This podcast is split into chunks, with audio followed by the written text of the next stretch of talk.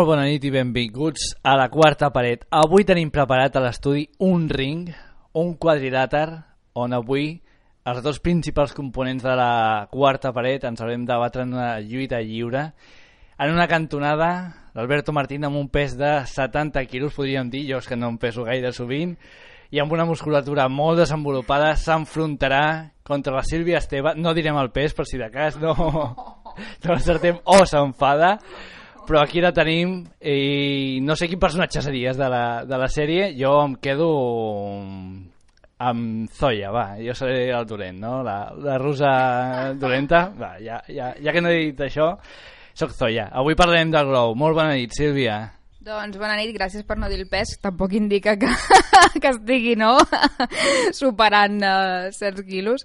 Doncs sí, avui es fem glow, però t'he de dir que tu com a contrincant, ja que són tot dones les que lluiten, en aquest cas no sé si et deixarien pujar al ring. Jo en aquest cas sí que tinc el vestit blau de l'entrenador i no sé, com a personatge no sé què dir-te, és que jo crec que em quedo amb, amb, amb Liberty Bell per ser la roseta del grup I, i uf, no sé, és una sèrie, no? Mm, què t'ha semblat? Perquè ha trencat, jo crec, amb, amb, amb l'estètica del que portàvem veient fins ara, amb també la manera de concebre's tornant a un format de temps molt més reduït, no? aquests minicapítols de 25 minuts, com teníem abans, doncs, per exemple, Friends, acostumats ara a veure no? Juego de Tronos amb gairebé una hora de metratge o eh, també la fantàstica eh, Handmaid's Tale, que vam parlar la setmana passada.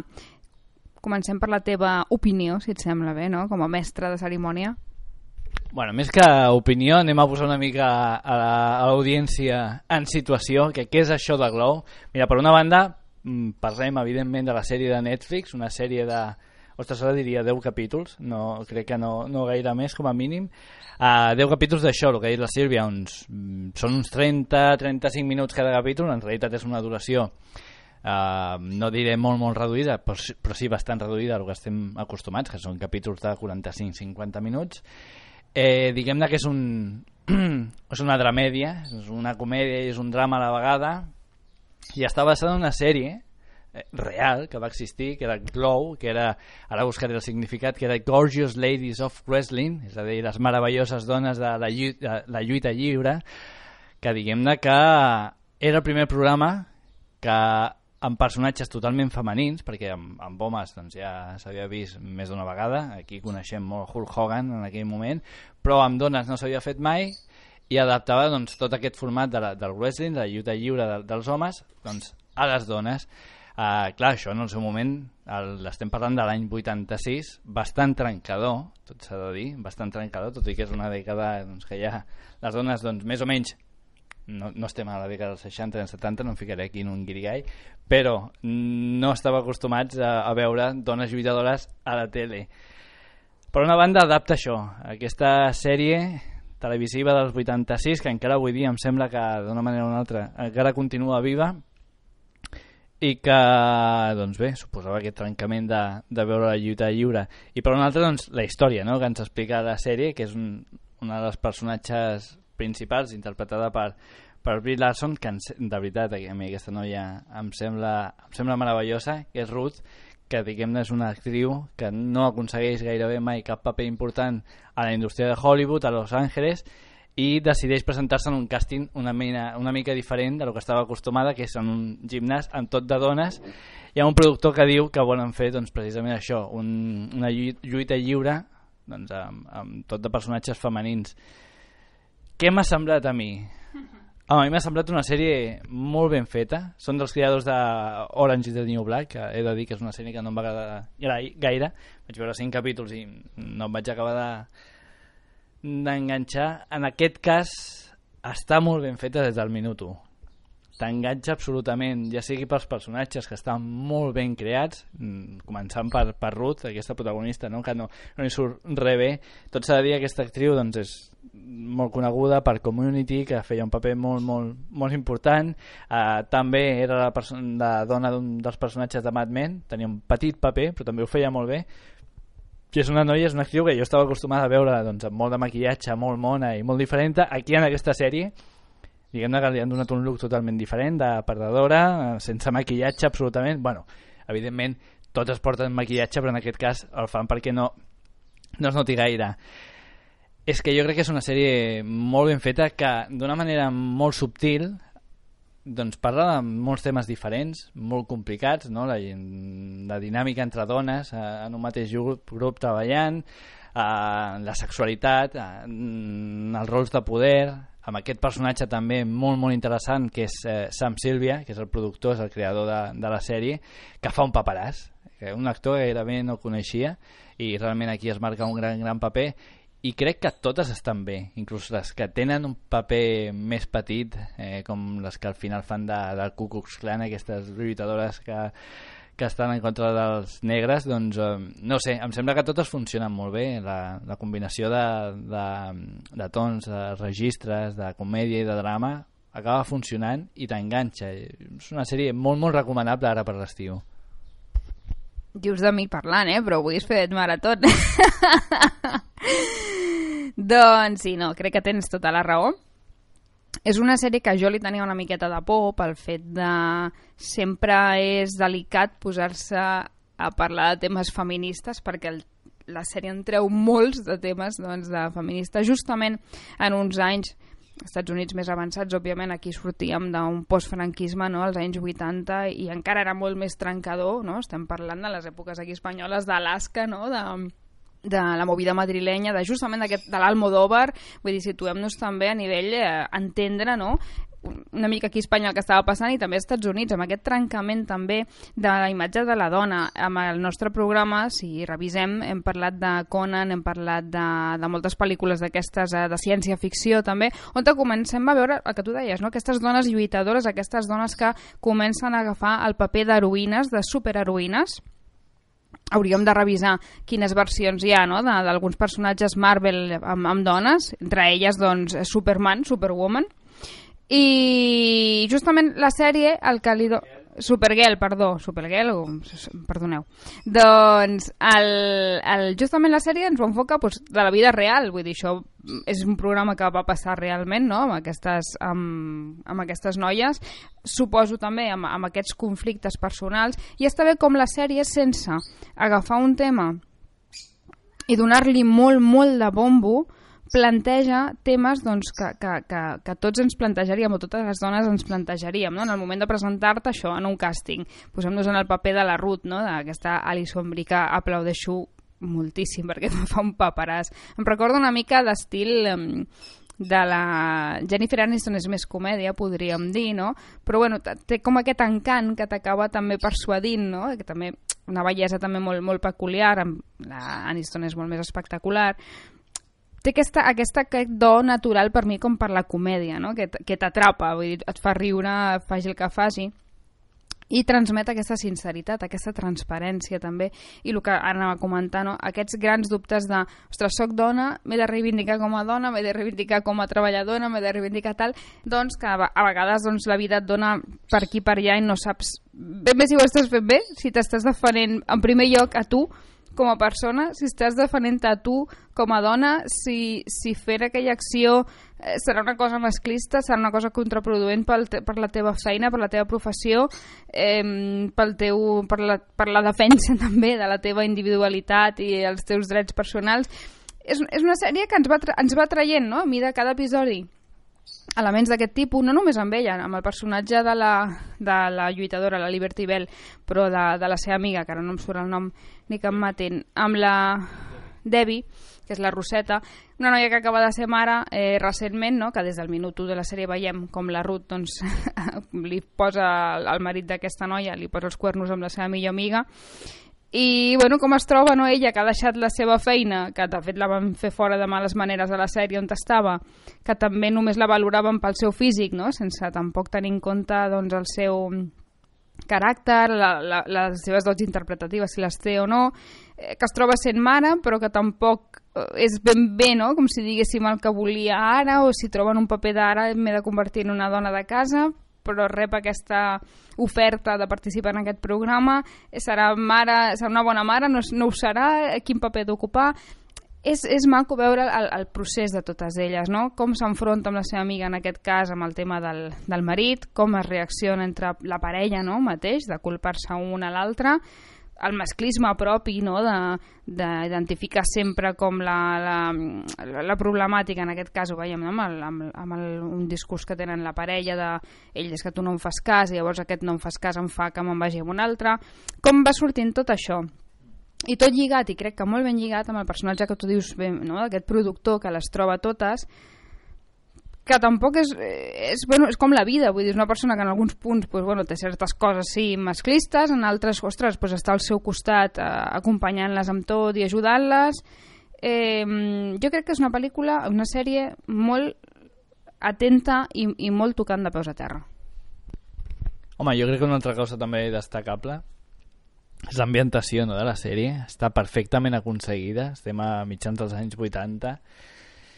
Jo crec que tot, la vestimenta, la roba, els pentinats, eh, els cotxes, els decorats, eh, els escenaris, tot. També la televisió no, que apareix allà, els, els, els anuncis. Està molt, molt ben aconseguida i, i, i és una que s'ha de reconèixer. Jo crec que en això, les, com a mínim, les sèries americanes saben ambientar gairebé perfectament Ara m'estaven recordant tamatment que parlàvem abans de, de, de que també participava Alison Brie en aquesta sèrie, no? aquella reconstrucció dels anys 60-70, perfectes, a més a més jo era un estudi, doncs aquí. També potser una mica més eh, sense aprofundir tant, però mm, home, el motel està tal qual, jo crec que tret de, dels anys 80, no sé com l'hauran fet, però amb la piscina, els banyadors que porten, està tot molt, molt ben portat bueno, el gimnàs també, els bodis que porten que a més a més són els que es porten avui dia, o sigui que tot acaba tornant i és veritat, amb aquesta mena de, de xandals tan, tan cutres que ara avui dia s'estan doncs, venent com a xurros perquè és, és la nova moda. Jo crec que l'ambientació és, un, és un punt a favor. També la música està molt ben escollida. Els temes musicals que obren, tanquen la, la, la sèrie són molt molt forts.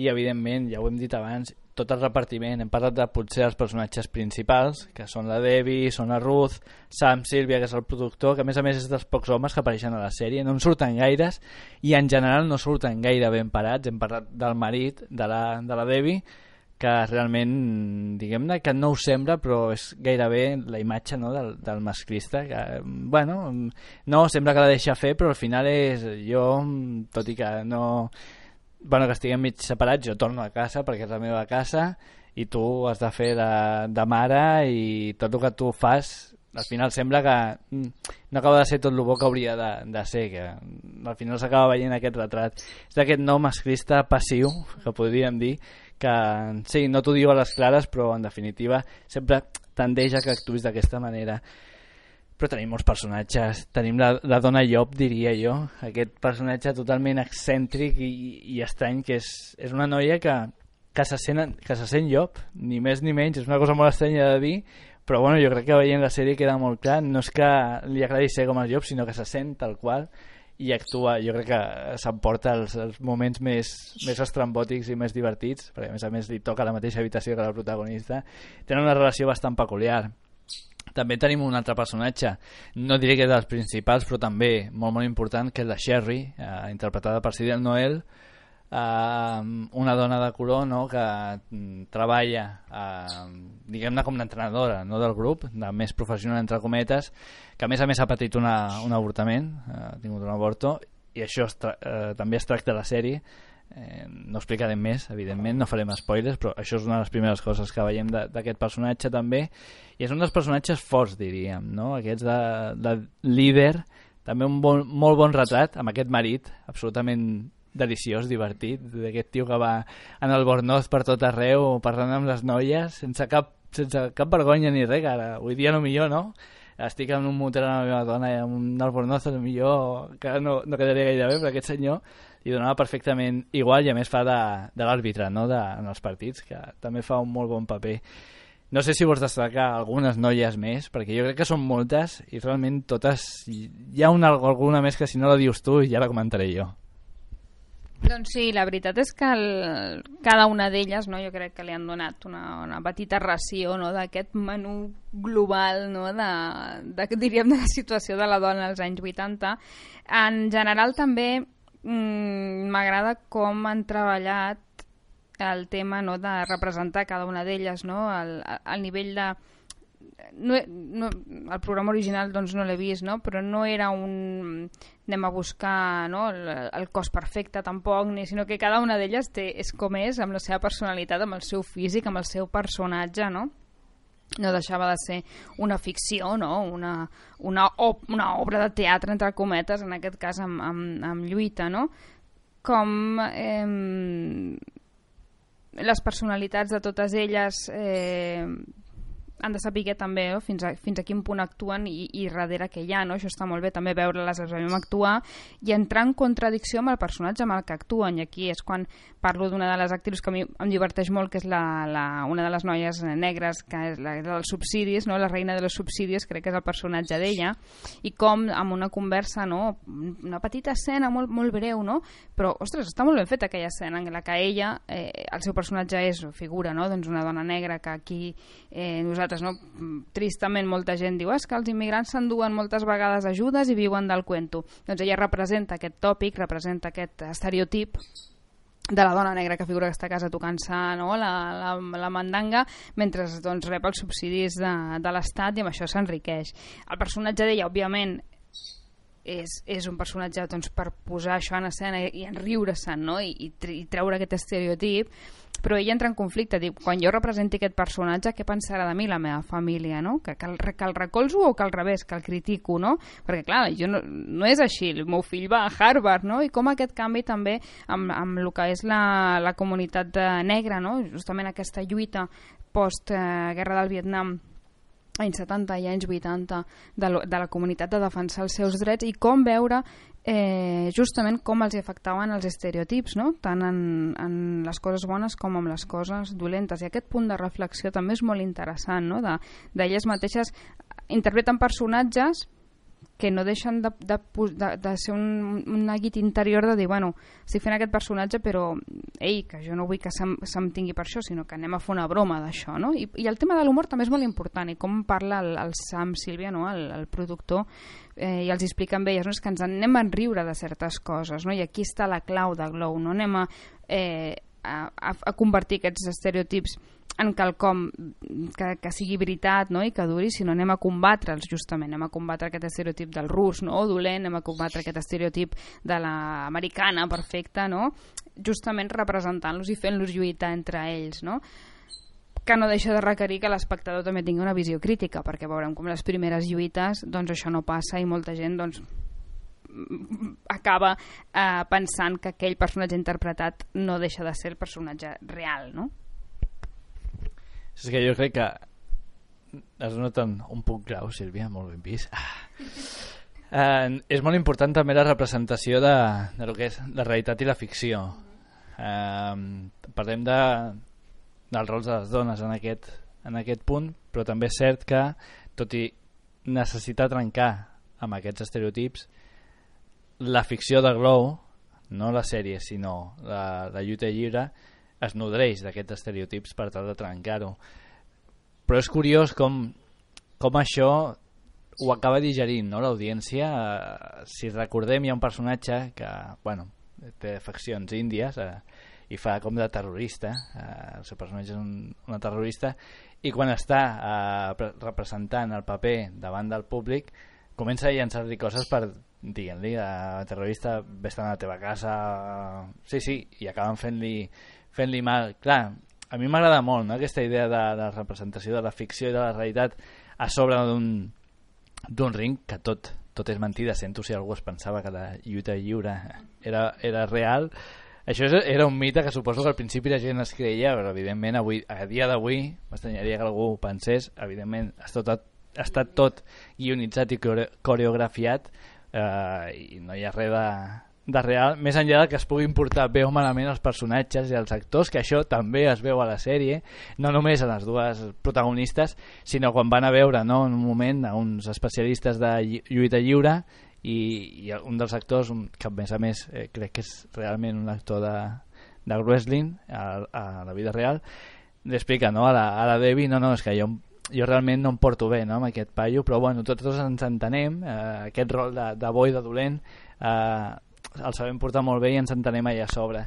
O sigui, jo crec que és un, clar, és un, és un punt important i molt interessant, no? aquesta representació que fan a sobre del ring crec que està molt ben pensat eh, i clar, la dinàmica que tenen doncs, la, la russa i l'americana no? amb aquesta que és refreda de, de per sota doncs, està molt ben representat a, a la sèrie magnífica jo crec. no sé si vols aportar alguna coseta més crec que a més a més ja gairebé se'ns acaba el temps però jo com a mínim diré a la gent que la veritat que s'apropin. Ja sé que és, és un tema que potser a la gent no li acaba d'entusiasmar, de, si més no, la Sílvia tampoc la lluita lliure, jo tampoc sóc un... no m'agradava ni de petit, que era quan més, eh, diguem-ne, més, més estava de moda, ara no em, diverteix, jo crec que és una cosa curiosa, no? aquesta representació que fan, aquesta ficció de, de barallar-se i de mentida, però que s'apropin a la sèrie, que té molt més eh, personatges molt, molt interessants i molt ben desenvolupats, no són personatges plans, tot i que sigui una comèdia que de vegades tenim por que les comèdies siguin molt planeres, i són personatges rodons que van evolucionant en els capítols. I no hem parlat de tots els personatges de la noia fan no, d'aquest eh, productor mm, que és el Sam Silvia perquè abans era un director no, de, de sèrie B o de sèrie Z una mena diria de John Carpenter no? un tipus que fa un cine transgressor uh, i, i molts altres. No, no us els direm tots perquè els descobriu però de veritat, apropeu-vos a la sèrie. Netflix està molt baratet a dia d'avui o sigui que si d'això us doneu d'alta uh, crec que 6 euros al mes ja podeu veure-la tranquil·lament. Caram, quin anunci. Doncs, doncs sí, la veritat és que aquells que, o aquelles que penseu, esta, no sé, esta sèrie no és per a mi, doncs doneu-li una oportunitat. Jo crec que justament si el que fa Glow, no? si el, justament els pòsters, el, el merchandising, podríem dir, els colors, no? és quan entres dins d'ella és desmaquillar tot això i veure els veure aquestes persones reals i veure les seves contradiccions i veure realment qui són i el que els hi costa i no deixa de ser no? Un, una mica un teatrus mundi no? aquest, aquest fet de pujar-te aquest escenari, pujar-te aquest ring lluitar-ho no? en escena i lluitar-ho fora de d'escena i baixant d'aquest eh, quadrilàter doncs Sílvia Uh, L'entrenador diu que això ha estat un empat tècnic, ni tu ni jo, o sigui que el proper combat, que serà el darrer de la temporada, el, següent programa ja serà l'últim, decidirem qui guanya aquesta temporada de Gorgeous Ladies. Eh? Jo, a mi sempre treuen la barba i la maquilla, potser podria passar tranquil·lament. Sílvia, com sempre, moltes gràcies per estar aquí i a tots els nostres oients, moltes gràcies per acompanyar-nos un dia més, avui en un ring molt, molt especial, que és el de Glow, i ens veiem, bueno, sentim d'aquí set dies. Moltes gràcies, fins llavors.